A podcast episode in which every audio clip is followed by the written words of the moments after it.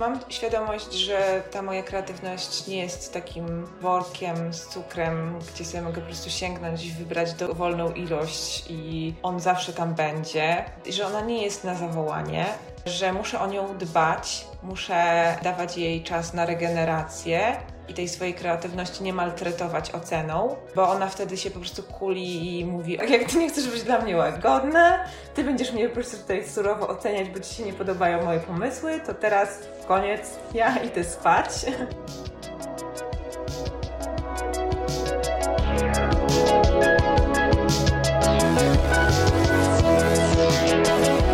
Witaj u Janoszuk, w podcaście, w którym rozmawiamy o mrokach i urokach kreatywnego myślenia i działania. Ja nazywam się Ula Janoszuk i co tydzień pomagam Ci kreatywnie rozbłysnąć. U Janoszuk to bezpieczne miejsce na rozwój, przekonania i presję zostaw więc za drzwiami i rozgość się w atmosferze wzajemnego wsparcia z moją dzisiejszą gościnią Dominiką Wójciak.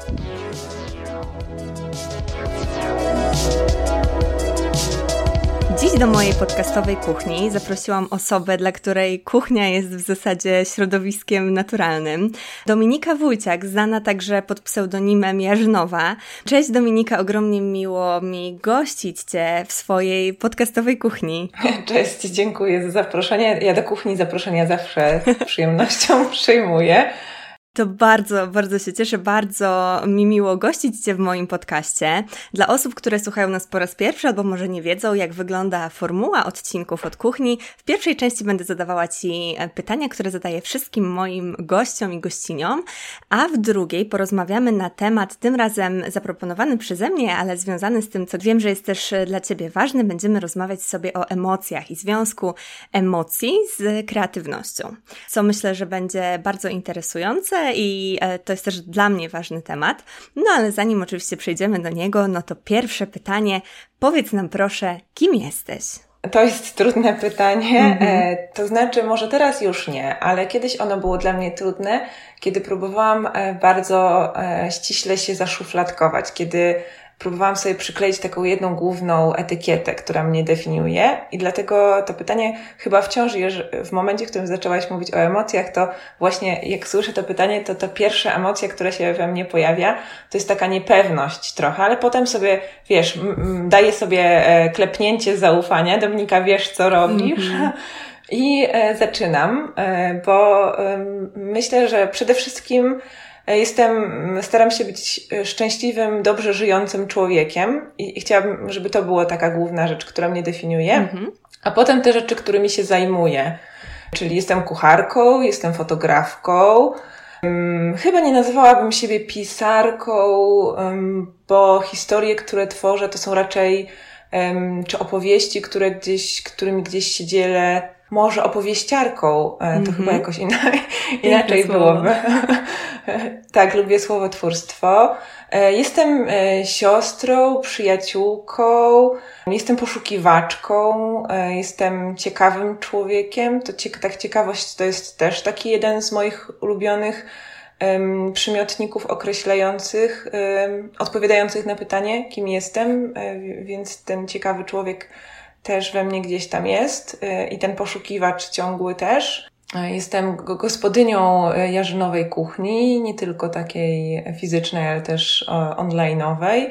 I myślę, że to jeszcze tam będą dochodzić do tego, kim jestem. Różne rzeczy w trakcie życia jeszcze pewnie. Niektóre będą może odchodzić. Mm -hmm. Zobaczymy.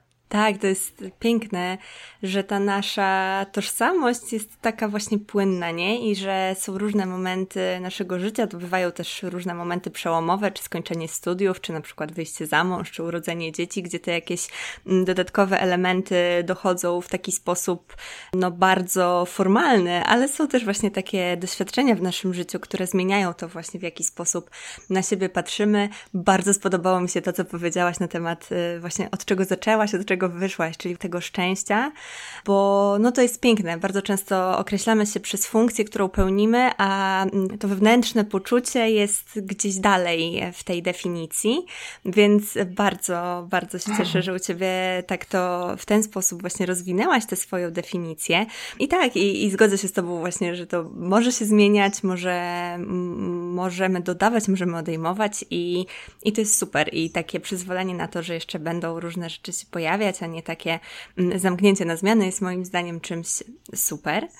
A powiedz, od kiedy działasz kreatywnie i kiedy zdałaś sobie z tego sprawę? Myślę, że to był proces, chociaż ja bardzo długo opierałam się przed y, przyjmowaniem komplementów za bycie kreatywną, mhm. bo e, jak już zaczęłam od szufladek, gdzieś tam wspomniałam o nich, to jedną z takich szufladek, do której się wpakowałam, pewnie przy pomocy dorosłych e, jako dziecko, to była taka szufladka, że jestem e, ścisłym umysłem i że, że to jest jakby moja domena, więc z automatu ona wyklucza, wyklucza kreatywność. Co ciekawe, bo kiedy teraz o tym myślę, to mm, pamiętam, że bardzo lubiłam w dzieciństwie, nawet w takim byciu już takim starszym dzieckiem, takim podstawówkowym, bardzo lubiłam rysować i rysowanie przy, przynosiło mi dużą ulgę, taką, taką trochę medytacyjną. Mm -hmm. I ja robiłam, moje rysunki były bardzo takie precyzyjne i dokładne, takie trochę jak rysunki techniczne. I e, rysowałam postaci z bajek, czy e, głównie z bajek, albo z książek, albo z wyobraźni, wiesz, jakieś postaci literackie z książek, które czytałam, mhm. albo właśnie jakieś moje ulubione postaci z bajek, czy, czy z filmów, które oglądałam. I to były bardzo takie e, rysunki techniczne. Z jednej strony, wiesz, w ogóle rysowanie wydaje się, że jest kreatywne, rysowanie z wyobraźni jest kreatywne, ale dla mnie przez to, że one były takie właśnie precyzyjne i techniczne, to wiesz, jakby w ogóle mi się nie łączyło to z mhm. kreatywnością. Wtedy na tym etapie. E, I, i, e, i, ten, i, ta szufladka bardzo długo ze mną była. Myślę, że była ze mną no, do takiego późnego dorosłego, znaczy późnego dorosłego życia. Do, myślę, że długo po studiach mm-hmm. gdzieś tam odkryłam, że ta kreatywność jednak jest mi potrzebna. Pierwsze zupełnie nieświadomie, a potem dopiero kiedy zaczęłam e, działać w internecie, albo kiedy zaczęłam publikować swoje książki kulinarne, kiedy właśnie ktoś z zewnątrz mówił mi, że o wow, ale to jest kreatywne, to, to właśnie taką moją pierwszą reakcją było, że, że no nie, to, to nie jest kreatywne, to jest przecież, nie wiem, tam zupa pomidorowa z kardamonem. Gdzie tu kreatywność, nie? To jest, y, ale potem e, zaczęłam rzeczywiście do, do, dostrzegać w tym kreatywność i jak się temu bliżej przyjrzałam, dlaczego, e, co ja w tej kuchni lubię i dlaczego, to rzeczywiście wyszło, że, że ja tam sobie po prostu realizuję tę swoją formę kreatywności, więc powiedziałabym, że był to proces, mhm. ale w tym procesie tak bardziej świadomie zaczęłam tę kreatywność dostrzegać i być za nią trochę wdzięczna, też trochę ją pobudzać, wiedzieć jak nią, może nie zarządzać, ale jak na nią wpływać, jak z niej korzystać, no to, to są jakieś ostatnie lata mhm. mojej pracy, bycia. No, to jest y, ważny, myślę, duży problem związany z tym, w jaki sposób szufladkujemy właśnie mm, też siebie, siebie nawzajem. Jesteśmy szufladkowane w tych wczesnych latach dziecięcych też i Chyba najtrudniejsze też dla mnie w tym wszystkim jest to, że kiedy przykłada się nas do jakiejś kategorii, to automatycznie wyklucza się inną. Mhm. I właśnie tak jak powiedziałaś o tej kreatywności, to jest jakieś takie mm, mocno naznaczone taką, taką odgór, odgórnością, takim no właśnie te, taką arbitralnością, nie? Że, nie, że, ta ścisła strona, ona jest y, niekreatywna, a myślę, że mm, im dłużej o tym myślimy też i im dłużej poznajemy świat, to zdajemy sobie sprawę, że osoby, które też jakoś tam e, w ścisłych dziedzinach działają, mój brat na przykład jest inżynierem, mm, ale właśnie też zajmują się na przykład jakimś projektowaniem, czy no, no projektowanie w ogóle samo w sobie, które często też jest związane ze ścisłymi przedmiotami, ścisłą ścieżką życiową, to ono w sobie dużo kreatywności ma właśnie poprzez przez to wymyślanie nowych rozwiązań czy nowych formuł. Wiadomo, że to też jakby jest jedna z kategorii, które podpadają pod e, ścisłe myślenie, że często jest to związane na przykład z analizą też i z tego rodzaju e, działaniem, ale myślę, że im dłużej gdzieś tam na tym świecie jesteśmy, tym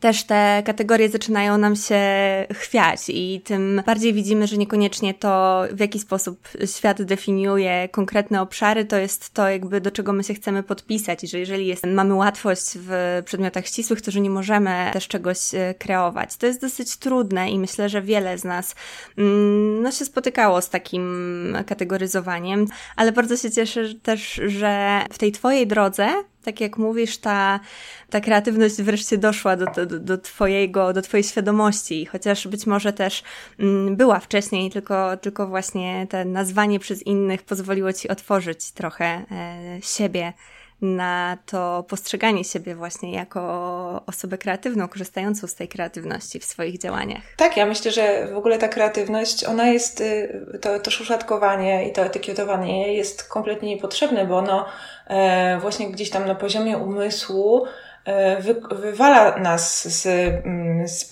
z dostępu tak. do tej kreatywności. A ona przecież jest. Jak teraz sobie o tym myślę, to myślę, że kreatywność była raczej moją mocną cechą od samego początku, mhm. bo nawet na tej matmie, e, tej, wiesz, takiej klasycznej matmie mitycznej, podstawówkowej, czy mhm. nawet już, już w liceum, to moją mocną stroną w matmie było to znajdywanie niestandardowych, właśnie kreatywnych rozwiązań. No to, że wiesz, jedno zadanie można było rozwiązać e, pisząc, rozpisując wzór na pięć stron, a ja zawsze, zawsze, może nie zawsze, ale bardzo często właśnie moją mocną stroną było to, że wpadałam na te najprostsze rozwiązania, wiesz, na to rozwiązanie w trzech linijkach, mm -hmm. nie? Mhm. Takie zaskakujące, że wiesz, jakby łączyłam te, te moje synapsy gdzieś łączyły ten wystarczyło, że spojrzałam na jakieś zadanie i po prostu sięgałam, bo to najłatwiejsze, najprostsze, naj, takie pierwsze z brzegu. Mm -hmm. I to mhm. było super kreatywne przecież.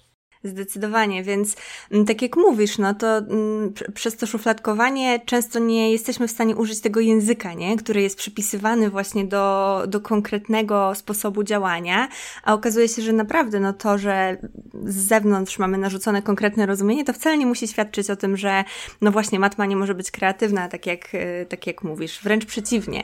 E, możemy mhm. szukać tych e, innych rozwiązań, nawet tam, gdzie te granice wydają się być bardzo sztywne. Mhm, właśnie, jak, jak wspomniałaś o sztywności, to teraz tak e, z ciała nawet poczułam to, że to etykietowanie jest takie sztywne, takie usztywniające, podczas kiedy puszczasz te etykiety i sobie myślisz, e, jak ktoś zadaje ci pytanie, kim jestem, a nie wiem, e, mhm. tak, zastanowię się nad tym, to w ogóle wiesz, od razu zaczynasz gdzieś tą elastycznością, miękkością wypełniać to pytanie. Tak, zdecydowanie, zdecydowanie. I w ogóle też ja, kiedy zadaję to pytanie, to zupełnie nie jest tak, że ja oczekuję, wiesz, właśnie jakichś e, sztywnych mhm. kategorii, em, ostatecznych nazw. To jest tak, że ja y, staram się bardzo mocno zostawiać przestrzeń i bardzo akceptuję to, że ktoś może też nie wiedzieć, albo no właśnie to może być gdzieś e, w trakcie, aczkolwiek widzę mhm. dużą siłę też właśnie w zadawaniu tego pytania i też e, sama sobie na nie co jakiś czas mam okazję odpowiedzieć właśnie, jak wiesz, gdzieś się przedstawiam, e, czy, czy to na zajęciach na uczelni, czy to właśnie w jakichś e, programach, spotkaniach.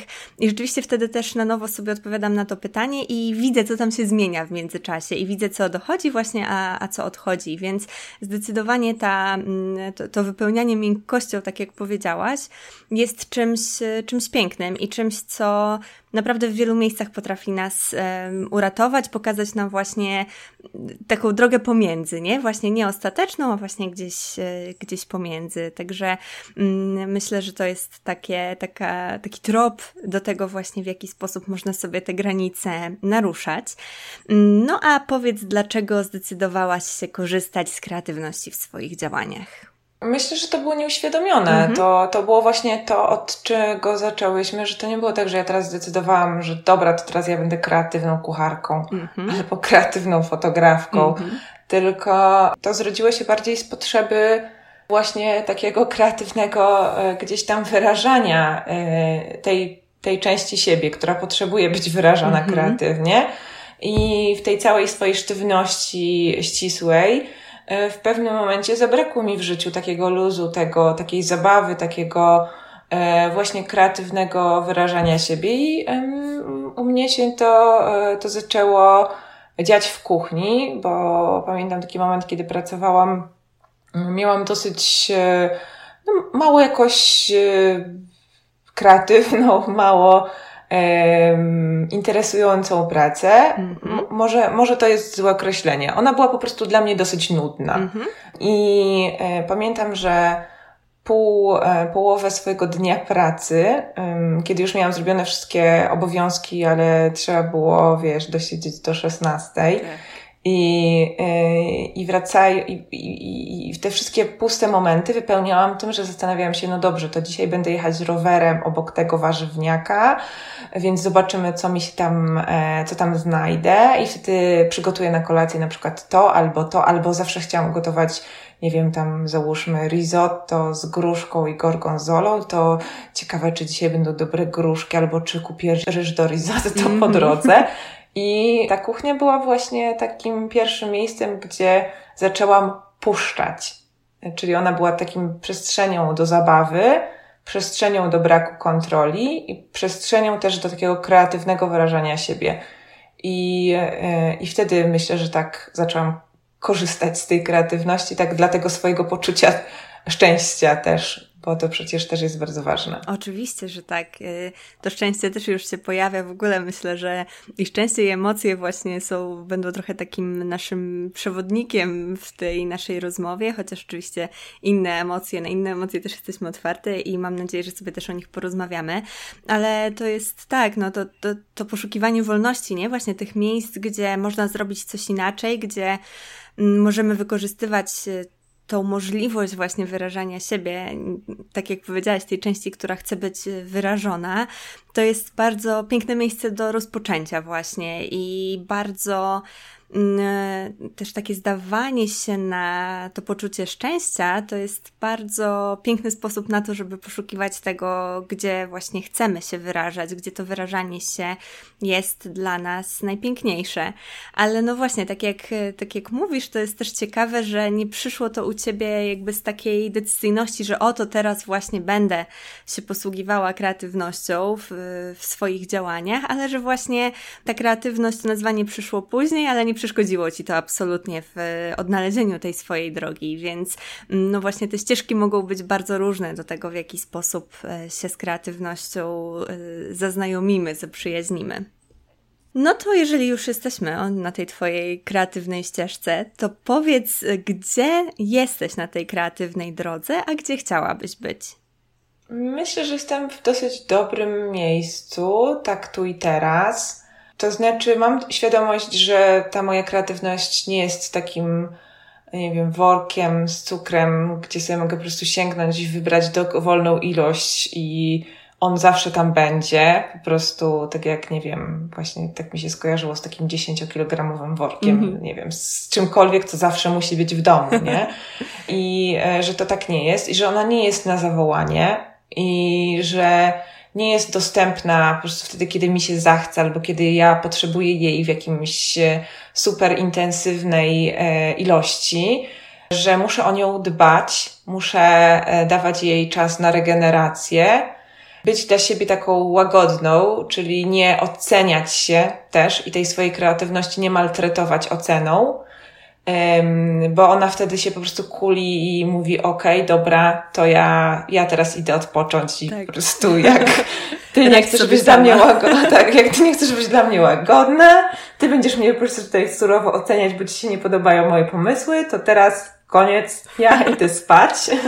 Tak. Więc y, już wiem, że właśnie o tą swoją kreatywność muszę dbać, muszę być dla niej wyrozumiała, cierpliwa i nie oceniać jej, więc no, tak jakoś sobie radzimy i uczę się też y, wykorzystać korzystać z niej mm, wtedy, kiedy ona do mnie przemawia. I to jest, y, ja to nazywam, jak czasem ktoś mnie pyta, skąd ja biorę te pomysły, mm-hmm. to odpowiadam, że ja je ekstrahuję z powietrza. Mm-hmm. A mam na myśli to, że w tym momencie to jest trochę tak, że ja potrafię znaleźć pomysł albo czerpać inspirację, tak, to teraz takie duże określenie, dosłownie ze wszystkiego. Mm. Czyli nie wiem, z tego, co moja sąsiadka ma na oknie, na parapecie, jakie ma rośliny i czy one są jadalne i co można byłoby z nich zrobić.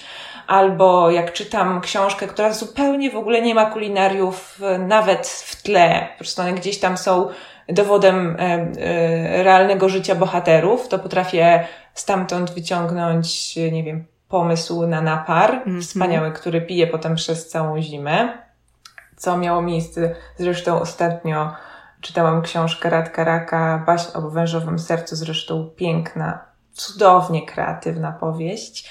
E, I, I wyciągnęłam stamtąd wspaniały napar na, e, z ziaren tłuczonej kolendry, mięty i szałwi.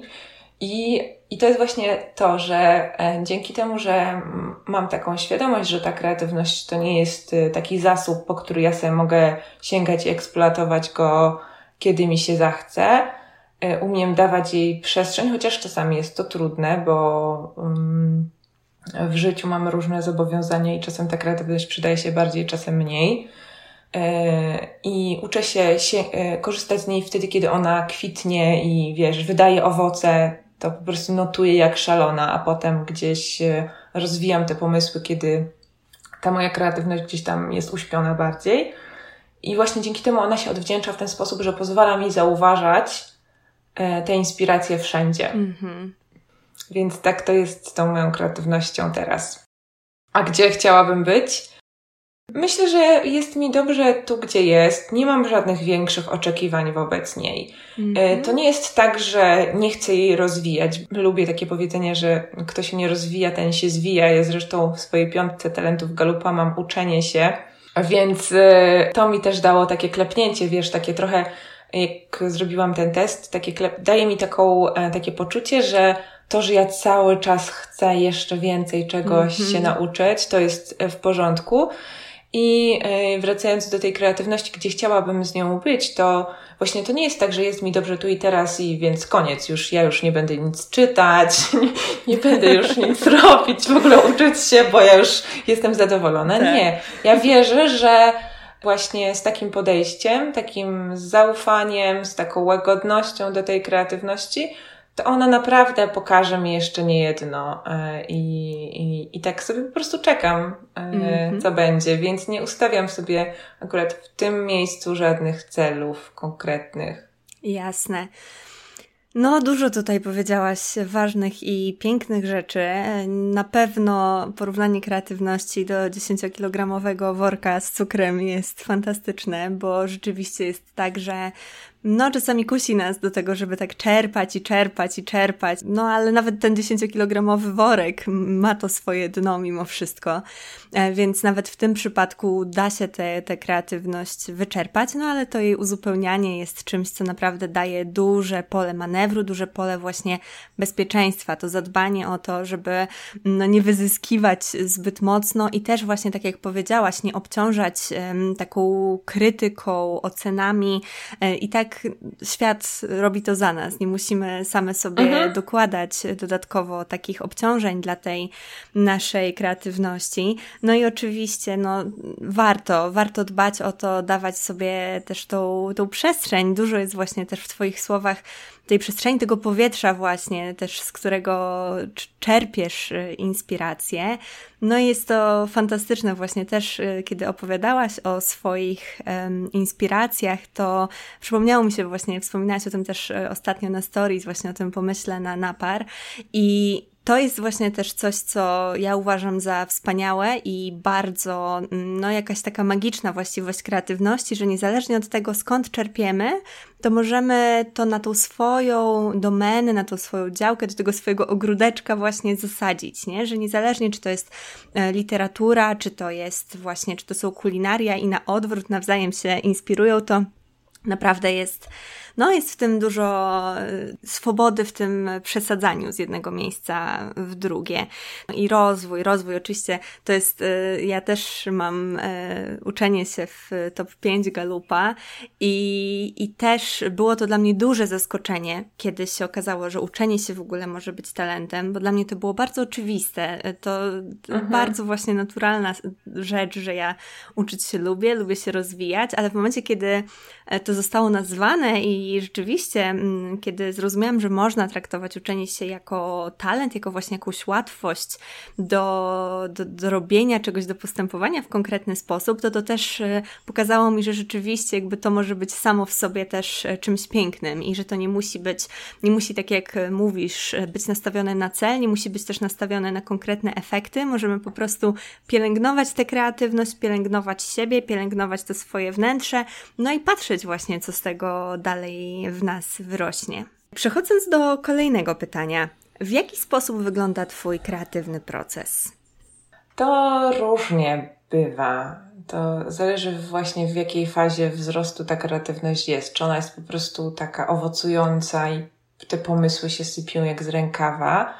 E, I staram się wtedy też właśnie taka być trochę bardziej uważna, bo, e, bo wcześniej zdarzało mi się tak wskoczyć na tego galopującego właśnie konia, nie? Że jak już tak, po, że mam tyle tych pomysłów, no to po prostu jadę już, że co do jednego muszę wyzbierać. Mm -hmm. I wtedy potem przychodził ten moment, kiedy po prostu była pustka, nic. W ogóle ja nie, wydawało mi się, że ja nie potrafię wymyślić, nie wiem, gdzie iść na spacer, mm.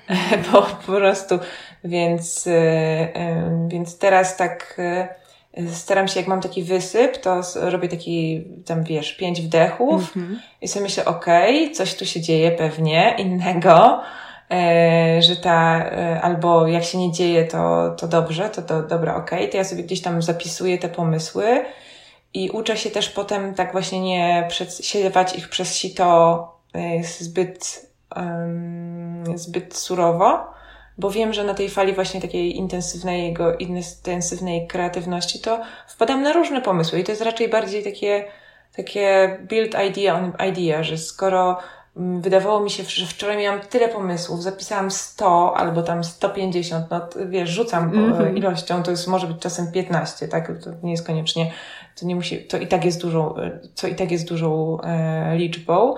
I, I potem następnego dnia sobie myślę, wow, to ja już mam na cały rok E, po prostu plan e, całego roku już mam mm -hmm. na tym wczorajszym dniu um, zrobiony, po czym przechodzę do tych pomysłów już właśnie w, w, roli ostrego krytyka. No nie, to nie, to nie, to nie, z czego ja się tak wczoraj w ogóle cieszyłam, nie? To w ogóle, Boże, jakie beznadziejne, nie? I tak skreślam, skreślam. I staram się właśnie nie podchodzić do tego w ten sposób. Po prostu wiem, że w tym procesie takim intensywnym e, wysypu tych pomysłów, to tam będzie pewnie dużo różnych rzeczy, które albo już zrobiłam, albo wcale nie są takie fajne, jak mi się wydawało, albo w, może są fajne, ale nie w tym momencie, może można na podstawie ich coś zbudować i tam dosłownie takich perełek to będzie pewnie trzy, albo jedna, albo jak się popracuje, doszlifuje, to może będzie jakąś perełką. Więc staram się właśnie przez tą, tą łagodność i tą, ten brak oceny to nie znaczy, że ja to po prostu myślę o sobie, jaka jestem wspaniała i każdy mój pomysł traktuję, że on jest taki wspaniały i taki najlepszy, tylko tam przesiewam sobie przez to sitko, kategoryzuję sobie te pomysły, więc tak y, właśnie przesiewam je tam. Takie pomysły, których, które na pewno gdzieś tam wracają, ale no wiem, że ich nie zrealizuję. Pomysły jakieś super optymi, hura optymistyczne, E, albo jakieś, no, no mam jakąś swoją taką tabelkę na te, na te pomysły, powiedzmy. Mam mm -hmm. też mhm. jakiś system notowania, zapisywania ich. No i potem e, staram się dobierać pomysły do tego, czego aktualnie potrzebuję. E, no bo z kreatywności korzystam w różny sposób, nie wiem starając się ugotować e, coś smacznego, kiedy w lodówce nic nie ma, mm -hmm. tak? To też jest przecież kreatywność. Oczywiście. Kiedy piszę książkę, wtedy kreatywność jest prawie cały czas ze mną. Oczywiście ona jest e, najbardziej właśnie intensywna na samym początku, ale ten proces jest bardzo podobny do tego, co powiedziałam, bo um, może skupiając się na tym przykładzie książki, bo on mm -hmm. myślę, że będzie dobry. E, więc na początku pracy z książką to jest jeden, to jest mój ulubiony może najbardziej ulubiony, najbardziej ekscytujący e, element tworzenia, to jest ten moment, kiedy ja wypisuję pomysły. Najpierw pomysły na książkę, jednocześnie równolegle wypisuję pomysły na konkretne przepisy, na konkretne połączenia, więc jakby tych pomysłów z różnych kategorii w jednym worku książka jest mnóstwo. Pomysł na książkę, pomysł na rozdziały, pomysł na, nie wiem, skład, na graficzną jakąś. Yy, wizję tego, tej książki. No jakby tych kategorii w ramach pomysłu na jest mnóstwo. Do tego dochodzą pomysły na konkretne przepisy, pomysły jak ten przepis ma ewoluować, jak on, jaką on ma mieć strukturę, czy on ma być zamknięty, czy otwarty, czy ma być jakąś formą tabeli, bo napisałam już kilka książek kulinarnych i każdy z nich gdzieś tam rozwijam ten pomysł. Najpierw to były po prostu książki, gdzie był przepis i koniec. Przepis, zdjęcie, przepis, zdjęcie. Mhm. A teraz te moje przepisy trochę odzwierciedlają bardziej też ten mój proces gotowania, czyli przepis jest tylko pewną ścieżką wytyczną, a ty jako uczestnik, użytkownik, w zależności od tego, masz tego kalafiora w czerwcu i on jest taki pyszny, że po prostu wystarczy go schrupać na surowo, mm. czy po prostu już jest listopad i, yy, i jest ciemno, zimno i wcale nie masz ochoty na chrupanie surowego kalafiora, poza tym on już tak nie smakuje dobrze jak ten czerwcowy, mm -hmm. więc yy, staram się, żeby też ten przepis teraz mój e, który daję Wam, e, daję go moim czytelnikom, żeby on nie był takim po prostu suchym przepisem, i tylko, żeby tam było te odnogi, żeby tam prowadziły tego użytkownika gdzieś tam, gdzie on chce ostatecznie z tym przepisem dotrzeć. Mm-hmm. Więc, więc w tym procesie tworzenia książki jest bardzo dużo różnych pomysłów i potem sobie je właśnie tak przesiewam. Ten, ten pierwszy proces kreatywny, taki, takiej burzy mózgów możemy go nazwać, on jest bardzo intensywny. Ja jestem na takim wiesz, takie super zadowolenia, takiej euforii, że matko, tyle pomysłów, jak super, wspaniale i tak wiesz, e, jest świetnie, na takiej fali wznoszącej jestem, po czym wiem, że ja się będę mogła, musiała kiedyś z tym zderzyć, z tym, właśnie z tym trudnym procesem decyzyjnym. Albo to wchodzi, to nie wchodzi, to wybieram, tego nie wybieram.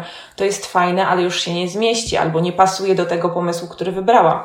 W ogóle u mnie to jest też tak, że wszystko, co jest związane z taką ostateczną decyzją jest trudne, więc ja to odwlekam. Mm-hmm. Wiem, że im bardziej to odwlekam, tym trudniej będzie zdecydować.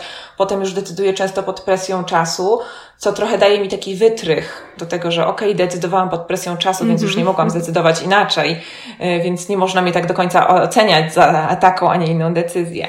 Więc to jest, y, to jest taki, taki, taki właśnie proces od, przechodzący od takich super euforycznych, fajnych stanów do takich trudniejszych i takich bardziej mozolnych elementów, gdzie ta kreatywność też cały czas działa, bo, bo e, podejmując taką decyzję, właśnie doklejam gdzieś do tej decyzji albo określone, podjęcie decyzji o określonym kształcie, określonym formacie, o określonej określonej tematyce przede wszystkim książki sprawia, że nie wszystkie te moje wspaniałe pomysły, o których ja tak ciepło myślę, się znajdą w tej publikacji. Więc ta kreatywność jest cały czas, ona jest w, różnym, w różny sposób z niej, z, niej, z niej korzystam. Więc najpierw powiedzmy ta burza mózgów, później proces decyzyjny, mozolny, a potem jeszcze bardziej mozolny, czyli takie rzeźbienie w tych pomysłach. Czyli mm -hmm. ten, biorę ten pomysł, załóżmy, że sobie wymyśliłam jakąś potrawę X, nie nazwijmy ją owsianką albo zupą, może zupą, bo bardzo ją lubię. I wydaje mi się, że nie, mm, oczywiście czerpię też ze swojego doświadczenia, więc mniej więcej wiem,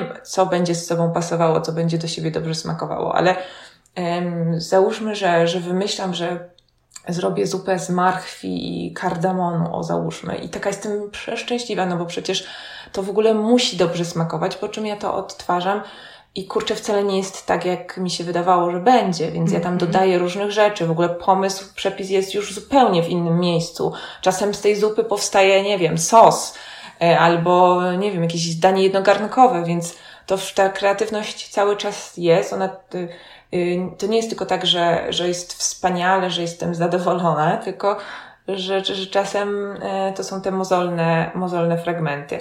No a na samym końcu, kiedy już powiedzmy mam wybrane przepisy, one są przetestowane, no to też kreatywność, ona się cały czas, cały czas z niej korzystam w trakcie pracy nad książką, bo chociażby skład, to jak będą wyglądały zdjęcia, czy to będzie jedno zdjęcie, czy na przykład kolaż zdjęć, który mm -hmm. pokaże, jak przygotować daną potrawę to cały czas ten, ta kreatywność tam jest, plus cały czas pojawiają się też nowe pomysły, bo um, nawet jeżeli książka jest skończona, to ja cały czas miałam ochotę coś jeszcze do niej dołożyć, mm -hmm. jakąś notatkę na marginesie, a nie wiem, może przestrzeń dla, uczestni- dla użytkownika, żeby sobie mógł coś zapisać. Więc to jest po prostu nieskończony proces i, i to zakończenie, że, że jest ten deadline i koniec, trzeba już oddać książkę do drukarni, jest też takim potrzebnym w tym procesie kreatywnym e, takim zakończeniem, bo, e, bo ta kreatywność sprawia, że cały czas gdzieś chcesz jeszcze coś dopracować, zrobić coś inaczej. Tak. Więc praca z kreatywnością jest bardzo różna. Uświadomienie sobie jej właśnie, w jakim schemacie ja pracuję, było bardzo potrzebne, do tego, żeby podomykać te rozdziały, nie? Bo mm -hmm. ja mam tendencję do przedłużenia tego pierwszego, nie? Tego, gdzie jest ta, ta euforia, ta burza pomysłów. I, bo on jest taki przyjemny, nie? Tak. Tam nie bierzesz żadnej odpowiedzialności mm -hmm. za mhm. nic, nie? Tam po prostu sypiesz pomysłami jak z rękawa, on jest cudny. Więc y, właśnie świadomość tego, że ja to lubię, a unikam tych decyzji, sprawia, że łatwiej mieć tą kreatywnością właśnie to, o czym y, powiedziałeś na początku, że ją troszeczkę nią zarządzam, mm -hmm. tak? Że tak um, korzystam z niej właśnie w taki, a nie inny sposób, że tak, tak nie zostaję tylko w jednym etapie, tylko przechodzę dalej. Tak, wiesz, wiesz kiedy, w jaki sposób e, właśnie ją, jej użyć, w jaki sposób z nią podziałać. No pięknie, pięknie, bardzo masz ten proces e, słychać właśnie obmyślany i, i uświadomiony. W realu to różnie bywa.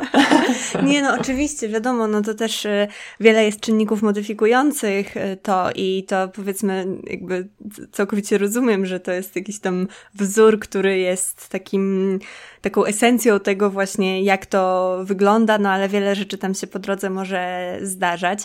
Też e, to jest coś, e, w czym, w czym widzę emocje, nie? W czym widzę właśnie, że mhm. te emocje się pojawiają i w czym widzę, że mm, emocje wpływają na to właśnie, jak ten proces wygląda. Sama też bardzo lubię moment wymyślania, właśnie ten euforyczny moment kiedy idee powstają, zdawałoby się, że z niczego, oczywiście, że powstają tam z różnych rzeczy, z naszych doświadczeń, z, mm, z naszego życia, z, naszych, z naszego obcowania z różnymi rzeczami, ale, ale tak, bardzo lubię właśnie ten moment wymyślania, powoływania nowych y, rzeczy do życia. No później jest ten rzeczywiście trudny moment, kiedy się siada do, do pracy i kiedy tą kreatywnością bardziej trzeba właśnie zarządzić, kiedy nie jest to taka stuprocentowa swoboda, swoboda, tylko właśnie już poruszanie się w pewnych granicach, wypełnianie tych przestrzeni, które na początku te nasze pomysły stworzyły. No jest rzeczywiście duża trudność w selekcjonowaniu swoich pomysłów, no bo to też są rzeczy, do których jesteśmy przywiązane i to też są rzeczy, które chciałybyśmy zrealizować, no ale tak jak mówisz, no nie ma, nie zawsze jest miejsce na wszystko, no i jeżeli nie, nie chcemy stworzyć książki, której nie sposób będzie przenosić z miejsca w miejsce na przykład, nie, bo będzie tak... Nie sposób jej będzie też stworzyć, bo ona będzie przecież, wiesz, niekończącym się niekończącym dziełem. się dziełem, dokładnie tak jak też powiedziałaś o tym, o tym niekończeniu się. No właśnie, no i też no trzeba jakoś zamykać te nasze projekty, bo jeżeli e, nie zamkniemy e, jednego, no to też nie będziemy mogły przejść do kolejnego, to też jakby nie będzie, mm, no, no to zakończenie jest czymś, co nadaje sens całemu projektowi, chociaż chciałybyśmy mm, jeszcze pewnie zmieniać wiele i w zasadzie można by zmieniać i po latach, kiedy się wraca do swoich dawnych projektów, to widzi się dużo rzeczy, które by się dzisiaj zrobiło inaczej, ale no jednak są to projekty, które powstały w danym momencie, w danych warunkach, w danych okolicznościach i to jest też ich wielka siła, że są, świadczą o jakimś konkretnym momencie naszego życia, naszego procesu, naszej właśnie kreatywnej drogi. Także są miłe momenty, momenty właśnie obfitujące w jakieś takie bardzo pozytywne emocje, ale momenty też trudne emocjonalnie. I, i, i no jakoś trzeba sobie z, z tymi, z jednymi i z drugimi radzić, no bo właśnie to w, tej, w tym stanie euforii chciałoby się być e, cały czas, no ale w zasadzie, no, jeżeli byśmy się zatrzymały na tym etapie, to nic ostatecznego by, by nie powstało, więc też no, kreatywność to też chciałam właśnie, to też mi się mocno wiązało mm, z emocjami i w ogóle z tym, co ty robisz i w jaki sposób tworzysz, że kreatywność ma też właśnie te swoje sezony, nie? I ma te swoje pory i tak jak mówiłaś o tym e, jej, jej wzrastaniu, kwitnieniu i owocach, no to właśnie są też momenty, kiedy musi sobie tam e, troszkę przezimować. Ale zanim to, troszkę już wspomniałaś właśnie o swoim systemie notowania, ale chciałabym zapytać Cię o to, jakie środki idee, narzędzia pomagają Ci realizować Twoje kreatywne cele? Myślę, że przede wszystkim jakaś taka obserwacja tego, co się dzieje, tego właśnie, wiesz, taka świadomość, że oho, teraz y, mam mnóstwo pomysłów. Jeśli chodzi o ideę, to bardziej takie właśnie zaufanie do, y, do siebie, do tego, co się dzieje ze mną w trakcie tego procesu kreatywnego, jak on na mnie wpływa i, i tego, że właśnie, żeby nie przeciągać niektórych, e, niektórych, niektórych momentów. A jeśli chodzi o narzędzia, to, to właśnie wypracowanie sobie takiego systemu, żeby ta obserwacja jakoś skutkowała konkretnymi działaniami, mm -hmm. czyli, czyli właśnie, że jeżeli ja widzę, że mam mnóstwo pomysłów, to nie rzucam wszystkiego i po prostu jakby eksploatuję, tylko pozwalam sobie też przesiewać te pomysły albo, albo właśnie bez, od razu bez przesiewania, na przykład zapisywać je na kartce i wiem, że już to przyniesie mi ulgę i wiem, że to już nie pozwoli mi jakoś bardzo się eksploatować, tylko po prostu funkcjonować y, równolegle do tego wybuchu tej kreatywności. Mhm. Albo jeżeli, jeżeli mam jakieś trudności w podjęciu decyzji, to też sięgam po różne narzędzia, czyli nie wiem, konsultuję pomysły z kimś innym, mm, z kimś, komu ufam i komu nie wstydzę się pokazać tych moich szkiców, pomysłów E, robię burzę mózgów właśnie z kimś, komu ufam, albo z kimś, kto jest z zupełnie innej branży, właśnie wręcz dla kontrastu. Więc y, myślę, że takie konsultowanie się jest ważne, że posiadanie kogoś takiego zaufanego, kto, e, z kim można te swoje pomysły przegadać, to jest takie fajne narzędzie do, e, do, do, do wykorzystywania tej kreatywności w takim dobrym kierunku. Lubię też takie narzędzia, których ta kreatywność, ona po prostu jest taka bezproduktywna. Mm -hmm. To też jest mhm. takie narzędzie, które e, mi pomaga, czyli e, nie staram się za każdym razem korzystać z kreatywności tylko w jakimś celu. Nie wiem, napisania książki, napisania postu na Instagram, e, przygotowania przepisu dla klienta, opracowania tematy, wa tematu warsztatów. Okej, okay, to jest świetne, jeżeli potrafię to zrobić.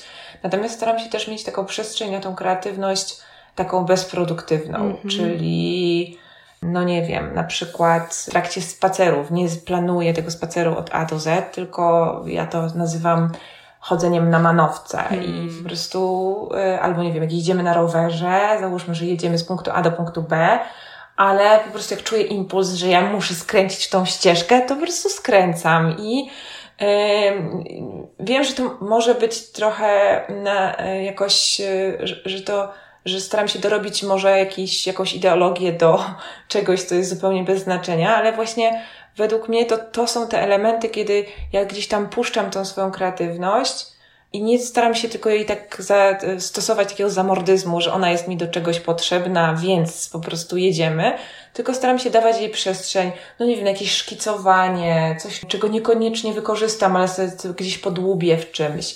Mm, ja mam z tym problem, bo ja bardzo lubię rzeczy, które są użyteczne. Nie lubię takiego zbieractwa, chociaż w talentach grupa mam też zbieractwo, ale to bardziej dotyczy takiego zbierania informacji i różnych y, takich rzeczy, ale mam problem rzeczywiście z robieniem czegoś kreatywnego, czego nie wykorzystam. Na przykład y, wiem, że jest mi to potrzebne, ale wciąż jestem na etapie takiego szukania Czyli załóżmy, nie wiem, tkanie makatek na pewno nie jest dla mnie, bo mnie potem ta makatka tak wkurza, bo ja wiem, że jej nie zawieszę nigdzie, bo ona gdzieś tam nie pasuje do mnie, gdzieś tam do. i ona leży w tym pudełku i ona jest nawet ładna, no nie wiem, mogę ją komuś dać w prezencie, ale też nie chcę jej tak dawać w prezencie tylko po to, żeby po prostu pozbyć się makatki, mm -hmm. która denerwuje mnie, że leży w pudełku, bo nie wiem, mogłabym tam mieć e, ósmą czarkę do herbaty z japońskiej ceramiki, mm -hmm. czyli coś, co jak bardziej ja doceniam. Więc rzeczywiście mam problem z tym, żeby tą kreatywność tak po prostu robić takie bezproduktywne rzeczy po coś. Łatwiej jest mi z malowaniem, nie wiem, bardzo lubię spędzać czas ze swoją siostrzenicą, która ma prawie 4 lata i w ogóle ciapkaniem farbami po bloku technicznym jest w ogóle super. E, to jest świetne i wtedy mam też, ale może to też jest takie, że wiesz, wtedy mam tą, yy, że to robię po coś, nie? Żeby z mhm. nią spędzić miło czas. Więc może rzeczywiście brakuje mi czegoś takiego, żeby ta, yy, ta, ta kreatywność była, yy, to znaczy staram się mieć na to czas właśnie, żeby tą kreatywność tak puszczać, ale, ale szukam wciąż jeszcze takich, jeszcze jakichś um, przestrzeni, gdzie właśnie mogłabym tą kreatywność trenować y, albo wypuszczać, mhm. ale bez takiego poczucia, że ona musi mi do czegoś się przydać, że ona, jej skutkiem ma być jakaś tam produktywność, coś, co że nie wiem, jak wiem, że jak, nie wiem, będę rzeźbić, to załóżmy, nie wiem, będę miała lepsze zdolności manualne. To po prostu, żeby robić coś bez, bez celu, od tak po prostu dla przyjemności. Mm -hmm. Staram się tak robić. Na razie mi wychodzi w spacerach, tak? Można tak to nazwać. Doskonale to rozumiem, bo ja też mam duży problem właśnie z tym, co tak pięknie nazwałaś, y, chodzenie na manowce. I kiedy jestem właśnie podczas, podczas spacerowania, szczególnie kiedy jestem w nowych miejscach, albo sobie właśnie tak założę, że no dobrze, no to teraz sobie spacerujemy po prostu, żeby spacerować, nie to, że gdzieś tam zmierzam w pośpiechu, żeby pójść na jakieś czy zajęcia, czy cokolwiek innego, no to wtedy bardzo lubię też tak słuchać tego wewnętrznego głosu, który właśnie mnie tak podpuszcza. A może pójdziemy tutaj, a może sprawdzisz tam mm, coś, te, coś innego.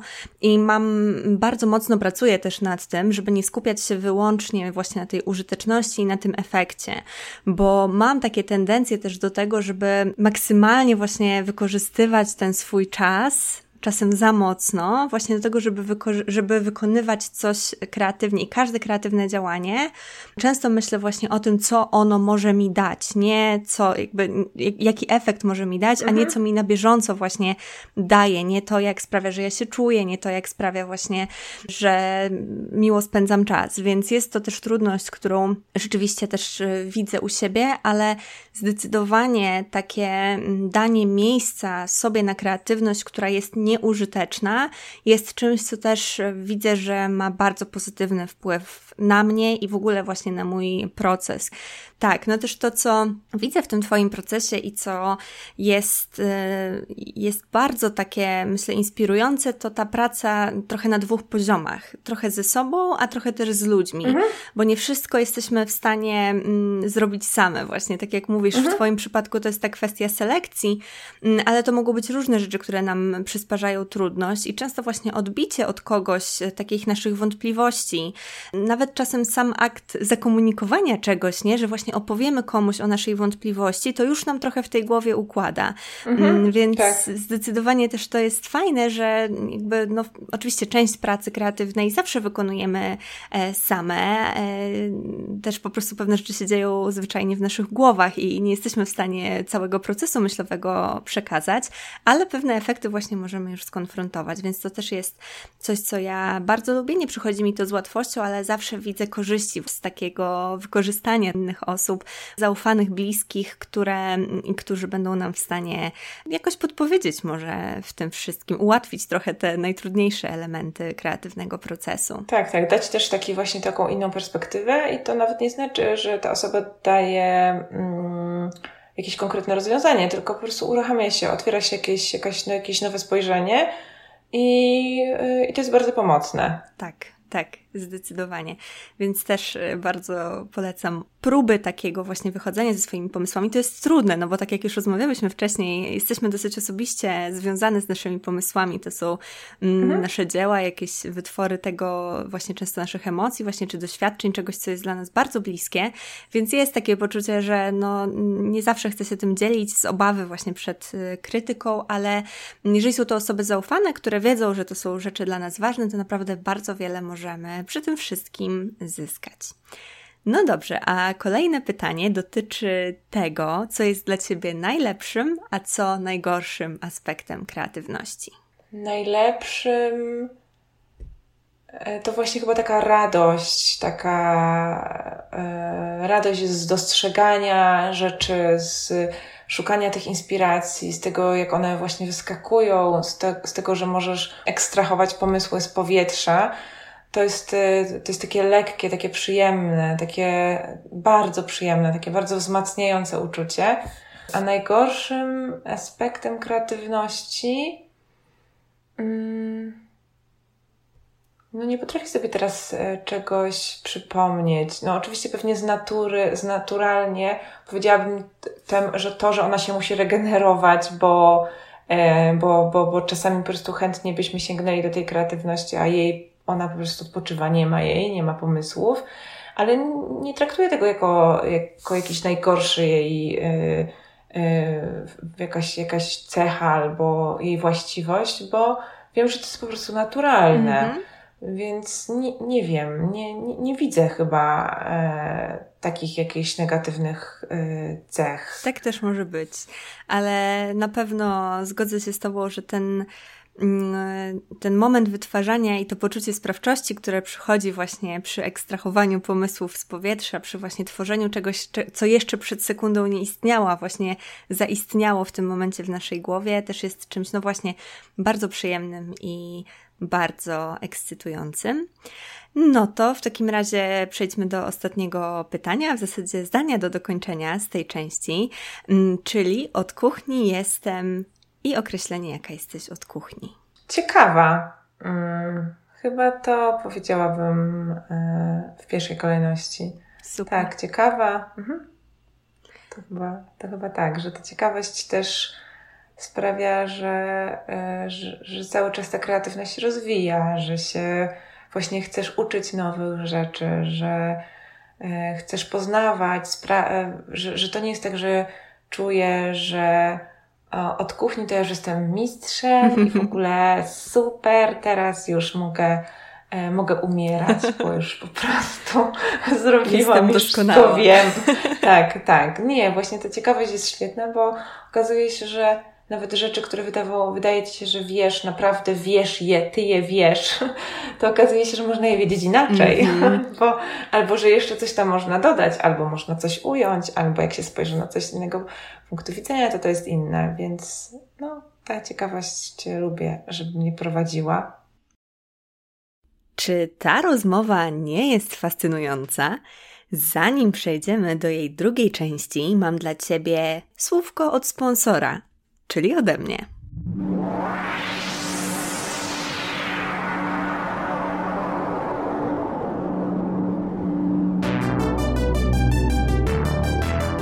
Masz dosyć obcych, zatruwających kreatywną planetę Twojej głowy wrogimi komunikatami? Męczy Cię życie na zasadach innych, niekreatywnych galaktyk?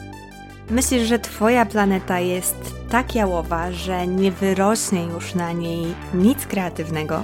Mam dla Ciebie pełne błysku i w pełni darmowe rozwiązanie. Kreatywne warsztaty audio, które w czterech prostych krokach pomogą Ci wyzwolić w sobie kreatywność i zacząć tworzyć własne dzieło, projekt, a nawet cywilizację. Wejdź na www.u-janoszuk.pl ukośnik warsztaty i już dziś wyzwól swoją kreatywność i pokaż wszechświatu swój prawdziwy blask. No to pora na drugą część naszej rozmowy. Temat emocji zaproponowałam Ci dlatego, że w różnych Twoich e, treściach, w różnych Twoich wytworach Twojej kreatywności te emocje właśnie wydawały się mi taką dużą częścią składową, ale właśnie zarówno te emocje mm, piękne, jak i właśnie ta czułość na emocje trudne, które mogą się pojawiać w tym naszym kreatywnym procesie. I przy tym wszystkim właśnie, tak jak wspominałam, zaczęłam też myśleć trochę o pewnej e, sezonowości, właśnie kreatywności i wpływie emocji na to, w jaki sposób ta nasza kreatywność e, działa. I trochę o tym opowiadałyśmy w poprzedniej części. I to pytanie, które teraz zadam, które sobie wymyśliłam na mm, rozpoczęcie części drugiej, e, będzie pewnie dosyć oczywiste pod kątem, odpowiedź na nie będzie e, oczywista pod kątem tego, co powiedziałaś w pierwszej, ale myślę, że i tak je zadam, bo może pewne rzeczy warto powtórzyć. Na początek chciałabym Cię zapytać o to, czy uważasz, że kreatywną trzeba być zawsze? Mhm, można być mhm. zawsze, ale trzeba nie. E, myślę, że absolutnie nie, bo mm, kreatywność to jest dla mnie takie, taki stan, który jest, przychodzi sam, jest naturalny. Można sobie go wytrenować, oczywiście wytrenować, albo może to nie jest dobre określenie, ale tak przygotować mu taką żyzną glebę, mhm. e, żeby on sobie tam kiełkował, żeby ona sobie tam kiełkowała, rosła, kwitła i, i dawała owoce. E, I, I tą żyzną glebą jest czytanie. Wydaje mi się, że też taka, e, takie traktowanie siebie w, w, w określony taki łagodny sposób ja tej łagodności zresztą bardzo długo się uczyłam i myślę, że zrozumiałam o co chodzi w łagodności w stosunku do siebie e, dosyć niedawno. I po prostu zostawienie tej kreatywności, niech ona sobie działa sama. Jej trzeba właśnie, ją trzeba zasilać, dawać jej tą przestrzeń, dawać jej dawać jej te dobre składniki odżywcze, czyli dbać o siebie, wychodzić na zewnątrz, spędzać czas z dobrymi, fajnymi ludźmi, być ciekawym. E, no każdy ma różny sposób, nie wiem, oglądać fajne rzeczy, które sprawiają, że czujemy się dobrze, że się relaksujemy, nie wiem, czytać, chodzić na wystawy. Ja bardzo często mam tak, że czasem po prostu potrzebuję, jestem tak spragniona kultury, że ja muszę gdzieś wyjść, muszę zobaczyć jakiś obraz albo jakąś rzeźbę, albo o, poglądać jakieś fotografie w zupełnie innej dziedzinie niż ta, która, która gdzieś tam jest bliska mi i to mnie bardzo tak koi, właśnie zasila tą kreatywność, nawet tak w taki nieświadomy sposób. Po prostu mam taki głód, mm-hmm. że muszę wyjść, obejrzeć pracę kogoś, poczytać, posłuchać muzyki gdzieś, zobaczyć, jak ktoś pracuje, e, z, więc mm, to jest właśnie to zasilanie tej, tej kreatywności. I wydaje mi się, że w ten sposób można mieć do niej dostęp dosyć często i ona jest taka, takim jest fajnym wsparciem nas ale mm, no, na pewno nie trzeba z niej korzystać za każdym razem. Mm-hmm. Może, można ją zawsze mieć, ale nie zawsze trzeba no, ten żyzny grunt, e, że to jest coś takiego, co możemy zapewnić. Mm, no ale też e, jakby trochę kontynuując Twoje myśli, ale też ten temat emocjonalności, czy są takie emocje, które szczególnie stymulująco wpływają właśnie na Twoją kreatywność i takie, które ją gaszą? Tak, e, na pewno super, tak podbijająco na kreatywność działa taka spontaniczna radość, mm -hmm. taka, wiesz, takie wewnętrzne dziecko słońca, nie? Takie, że po prostu wybiegasz na tą trawę, w ogóle się nie przejmujesz, czy masz 50, 30 czy 12 lat. W ogóle masz w nosie to, czy ktoś na ciebie patrzy tak czy inaczej. Ty po prostu cieszysz się tym, że biegniesz przez trawę. I to, to jest taka spontaniczna, dziecięca radość jest tak wspaniale zasilająca do kreatywności, że to jest aż niewiarygodne. Mm, ja jako dziecko uwielbiałam, to była jedna z moich ukochanych zabaw, pewnie nie tylko moja, gapienie się w niebo i odgadywanie kształtów, mm -hmm. nie? I tam były smoki z Neverending Story, mm -hmm. w ogóle ten smok z niekończącej się historii, to było w ogóle, ja go widziałam non-stop.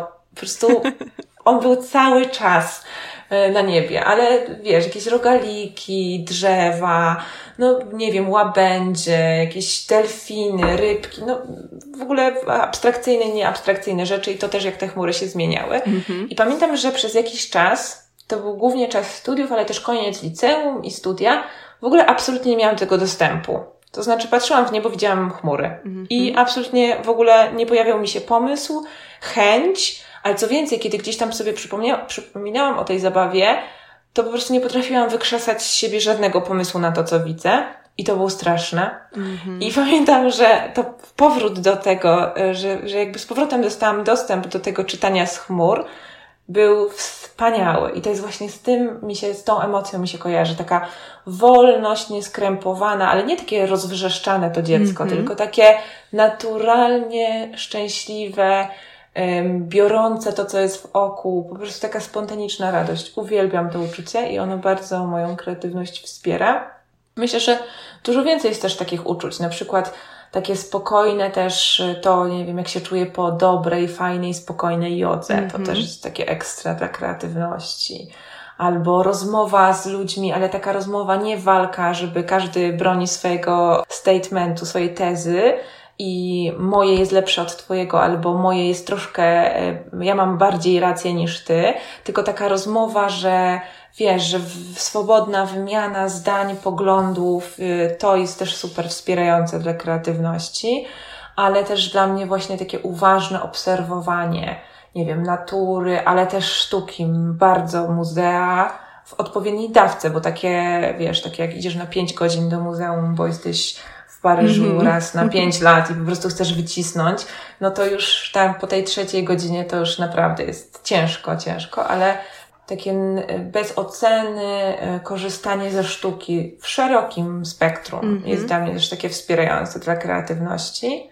Y, a odwracając y, mm, te emocje, to takie, które zupełnie blokują moją kreatywność, to jest porównywanie się z innymi. Mm -hmm. To jest mhm. pierwsza rzecz, która po prostu z automatu po prostu koniec tam już nie będzie, nic nie znajdę tam po prostu. poza rozgoryczeniem, rozczarowaniem i w ogóle e, właśnie tym, że jestem gorsza albo lepsza, bo to w zależności, bez względu na to, co mi z tego porównywania wychodzi, mm -hmm. to, mhm. to jest najgorszy koktajl dla kreatywności, już trucizna.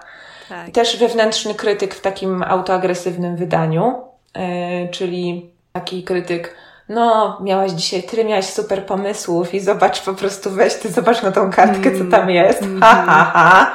Okej, okay, wiesz, taka, i tak. wiesz, od razu kara, od razu z batem, ten autokrytyk, to w tym autoagresywnym wydaniu, to też jest w ogóle blokada dla kreatywności, e, taka totalna.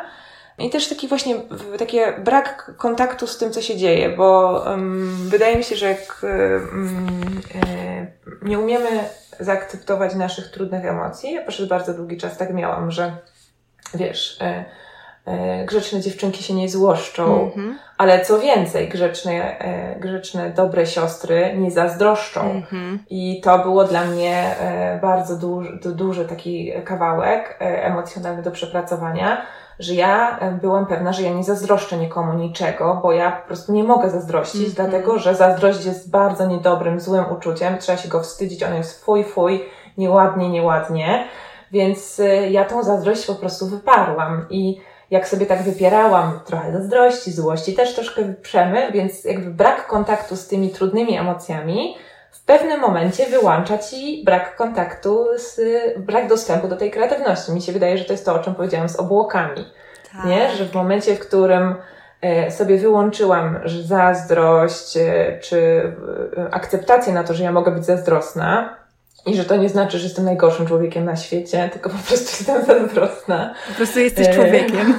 tak, tak albo że ja się złoszczę, albo wręcz wściekam się, bo ktoś przekracza moje granice, ale przecież grzeczne dziewczynki się nie złoszczą. Tak. Ładnie trzeba znosić wszystko dzielnie, co się dzieje. Więc wyłączając sobie dostęp do tych emocji, z automatu wyłączam też dostęp do kreatywności. Mm-hmm.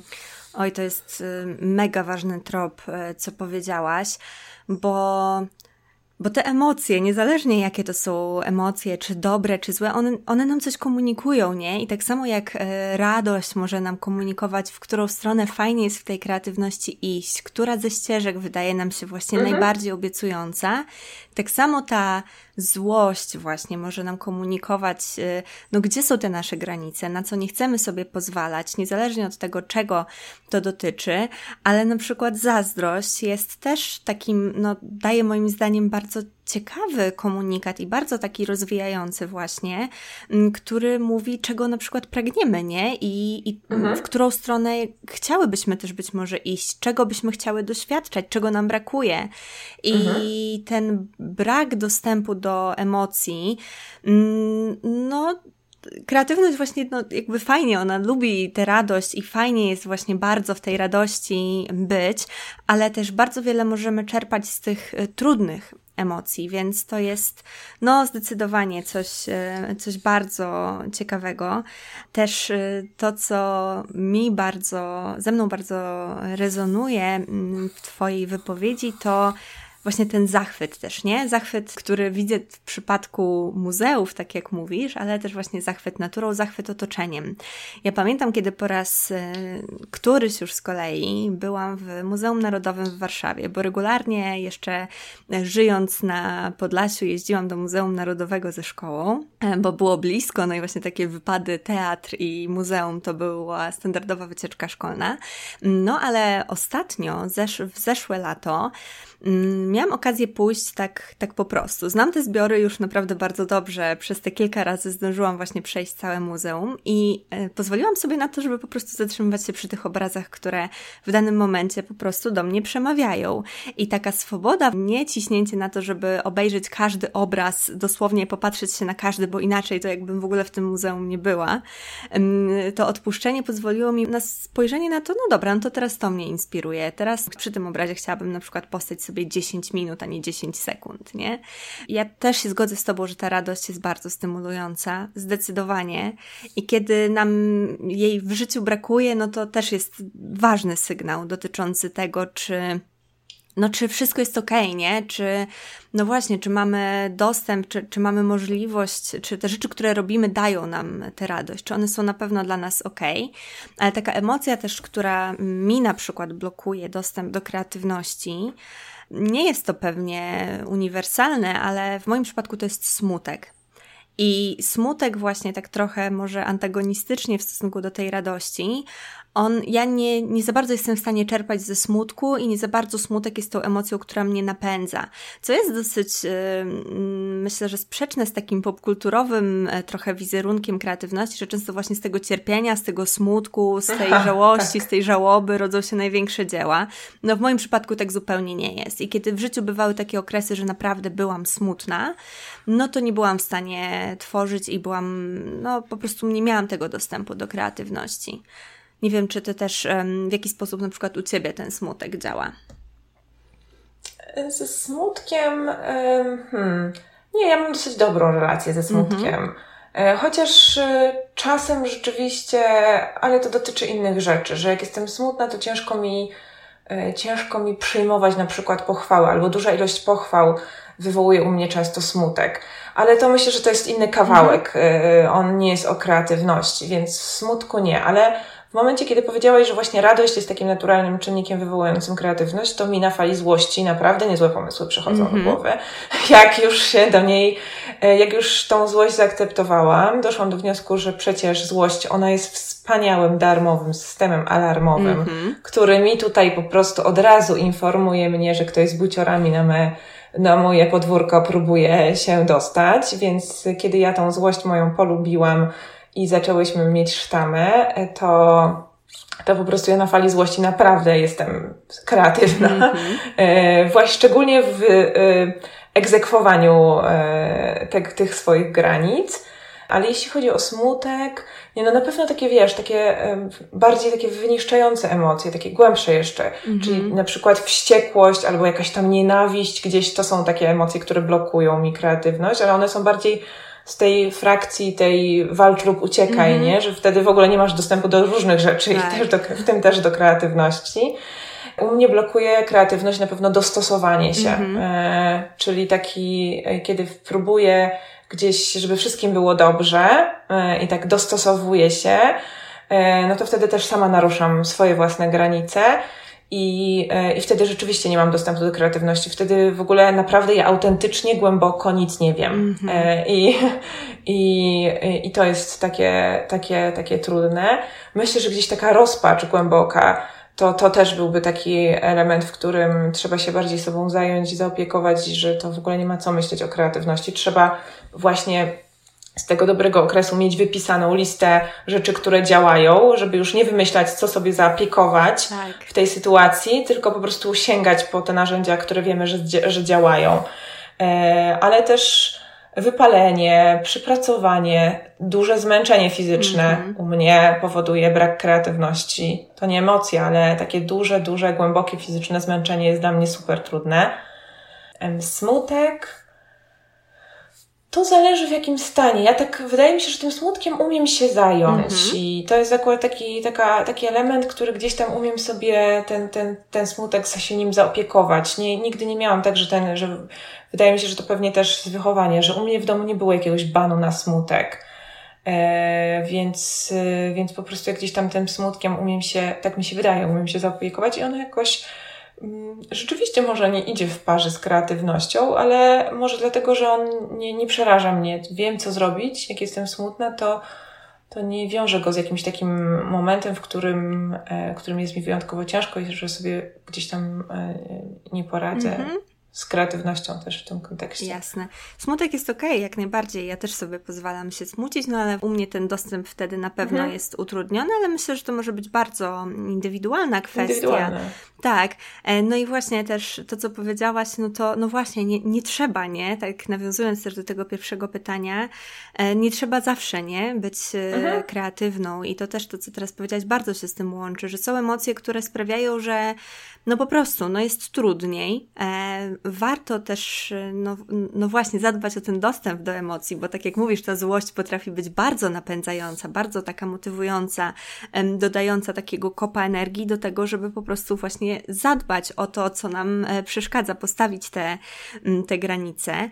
No ale jeszcze jeżeli chodzi o takie kwestie właśnie emocjonalności, a może bardziej sezonowości, no to właśnie Powiedz, czy ta, czy, czy różnego rodzaju właśnie pory, czy roku, czy właśnie różnego rodzaju sezony w jakiś sposób wiążą ci się, czy to z konkretnymi emocjami, czy to właśnie z konkretnymi um, fazami twojej kreatywności, czy właśnie to, co się gdzieś dzieje na zewnątrz, w naturze, na świecie, czy to wpływa właśnie na tę twoją kreatywność?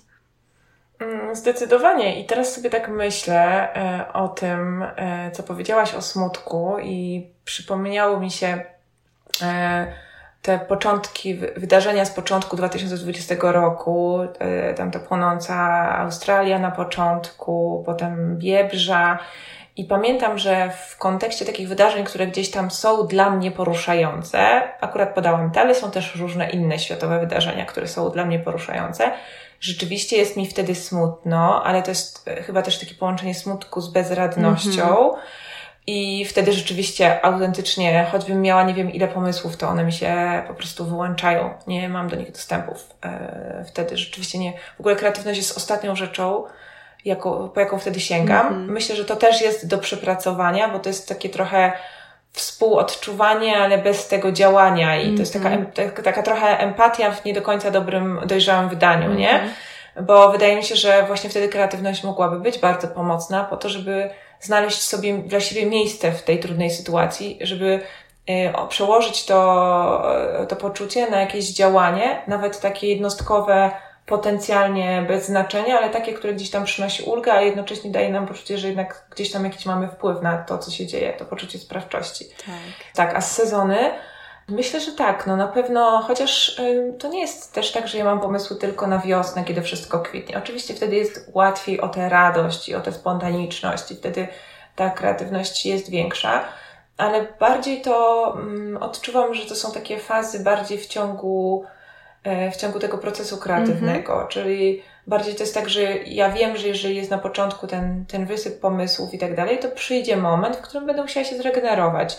I to są takie moje wewnętrzne sezony bardziej niż y, takie związane z, z tym, co się dzieje na zewnątrz. Chociaż y, przyznam szczerze, że ten okres w roku, właśnie koniec zimy, ale jeszcze nie wiosna, czyli ten przednówek taki staropolski, to jest dla mnie najtrudniejszy okres w roku i ja sobie nie zawsze mogłam sobie na to pozwolić, ale miałam różne pomysły na to, jak ten y, przednówek i tą zimę zagospodarować. Mm. Czyli wymyślałam sobie super wyjazdów dużo, albo jakichś warsztatów, że ja się wtedy zajmę czymś i nie będę myśleć o tym, jak jest beznadziejnie do zewnątrz i nie ma co jeść. E, więc, y, więc albo i, i po prostu nic nie działało. Po prostu wszystko zostawiało mnie tak samo rozjechaną na początku tej wiosny, jak zazwyczaj. I to jest chyba pierwszy rok, którym trochę zmieniłam taktykę. No nie, poprzedni to był taki rok testowy, powiedziałabym, kiedy ja po prostu zwalniam mm-hmm.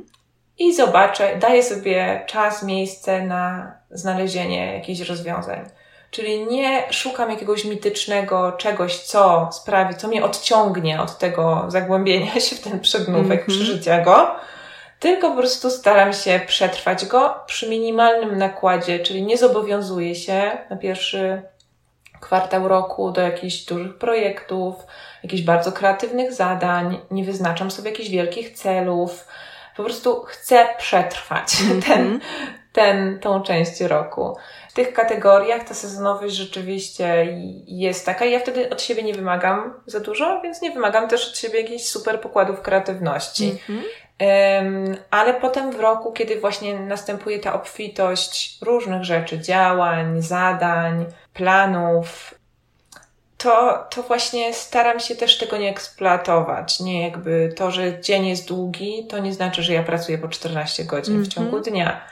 E, więc e, myślę, że to jest ta sezonowość na pewno ma wpływ na to, jak ja się czuję, a w związku z tym ma wpływ na to, jak, czego, czego ja wiem, że się mogę po sobie spodziewać. Mhm. I staram się tak planować swoje zobowiązanie, swoją pracę, żeby, e, żeby gdzieś tam mm, skorzystać z tego, że teraz ten dzień jest właśnie wolniejszy, że tego jedzenia jest e, takiego sezonowego, pysznego mniej, więc ja po prostu z automatu jem mniej, mm-hmm. albo gotuję mniej, mniej przygotowuję przepisów i, i tak to się po prostu jakoś skleja, że ten mój sezon, dostosow- oczywiście jest ten sezon taki ogólny, tak, w którym ży- żyjemy, ta sezonowość taka zewnętrzna, gdzieś tam w to wpasowuję swój kalendarz biologiczny, jakichś swoich potrzeb i gdzieś tam w to też staram się wpasować pracę.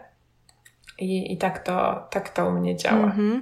Na pewno to, co jest bardzo ważne w tym, co mówisz, no to jest ta uważność. Uważność właśnie na to, w jaki sposób te zewnętrzne warunki, zewnętrzne pory wpływają na te nasze wewnętrzne pory i e, też e, pisał o tym bardzo ciekawie Austin Kleon. Wydaje mi się, że w tej książce Still Like an Artist, on właśnie daje tam takie rady dotyczące kreatywności. Nie jestem pewna, czy to ta, na pewno wrzucę też, e, tak jak wszystko, mhm. o czym mówiłam, to wrzucę w, na stronę odcinka, żeby, żeby osoby nas słuchające też mogły sobie zajrzeć do tych rzeczy, które dzisiaj wspominałyśmy, ale on też mówił o takiej, pisał o takiej sezonowości kreatywności mm, w miarę równoległej do zewnętrznych pór roku.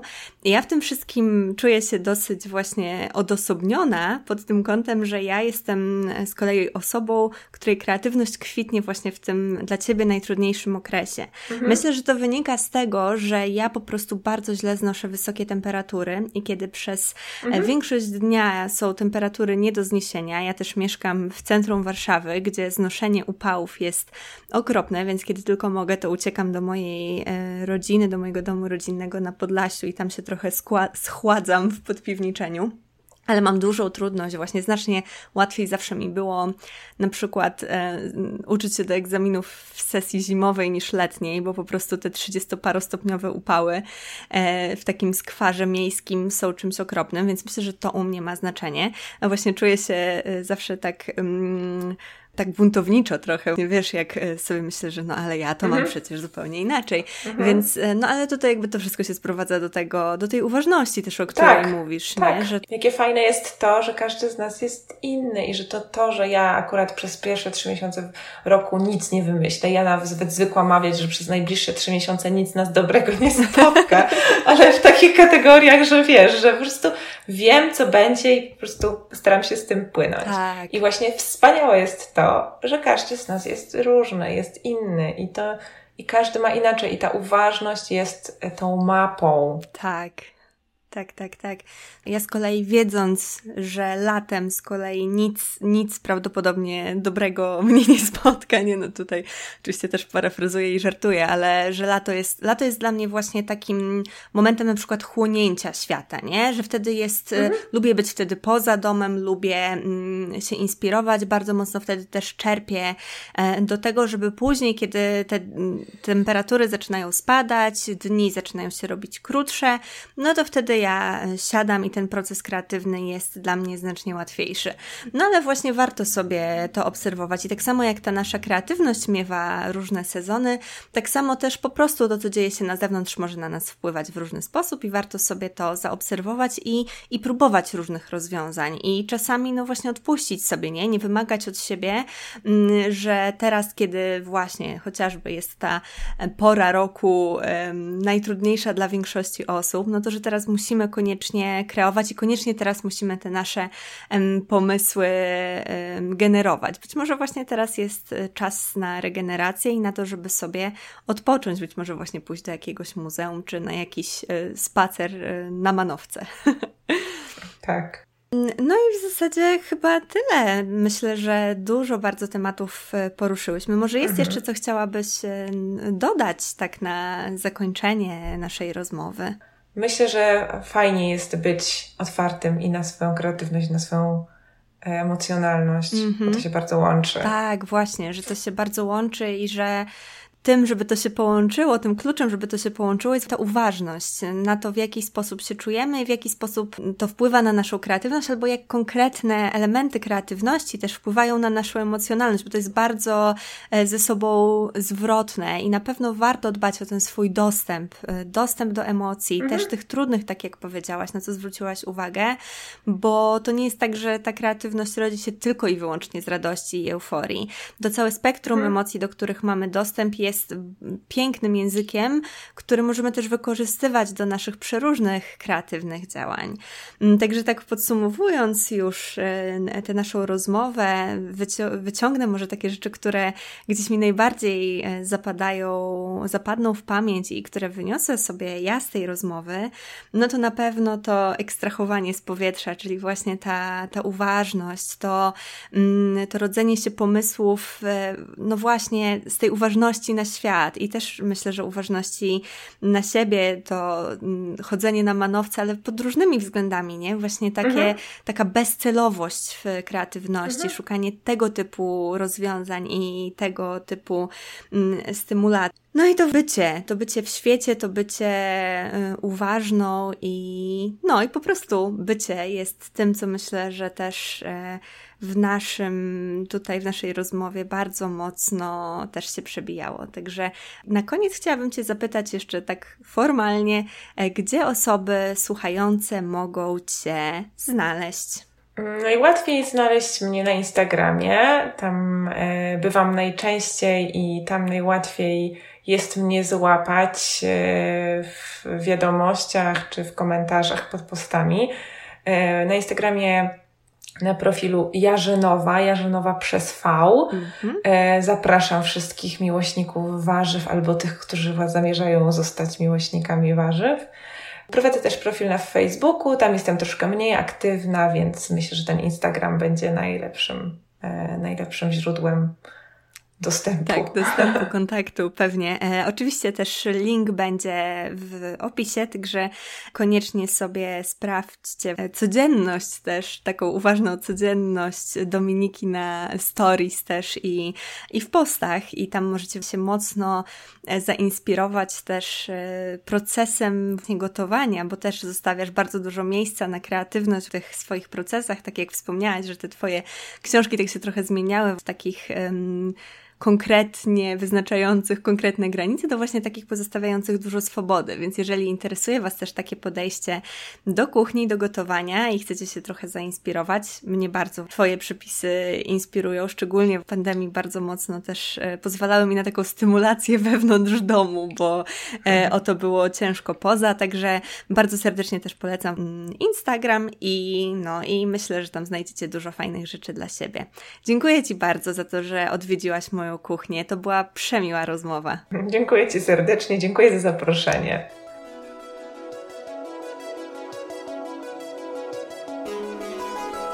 I to tyle na dziś. Zanim opuścisz naszą kreatywną krainę, koniecznie daj znać, która z myśli była dla Ciebie najbardziej błyskotliwa. Podziel się nią na Instagramie i oznacz profil u podkreślnik Janoszuk lub napisz w komentarzu pod wpisem do odcinka na www.umyślnikjanoszuk.pl. Tam znajdziesz też wszystkie odnośniki i notatki do odcinka. Do usłyszenia, a tymczasem niech błysk będzie z Tobą.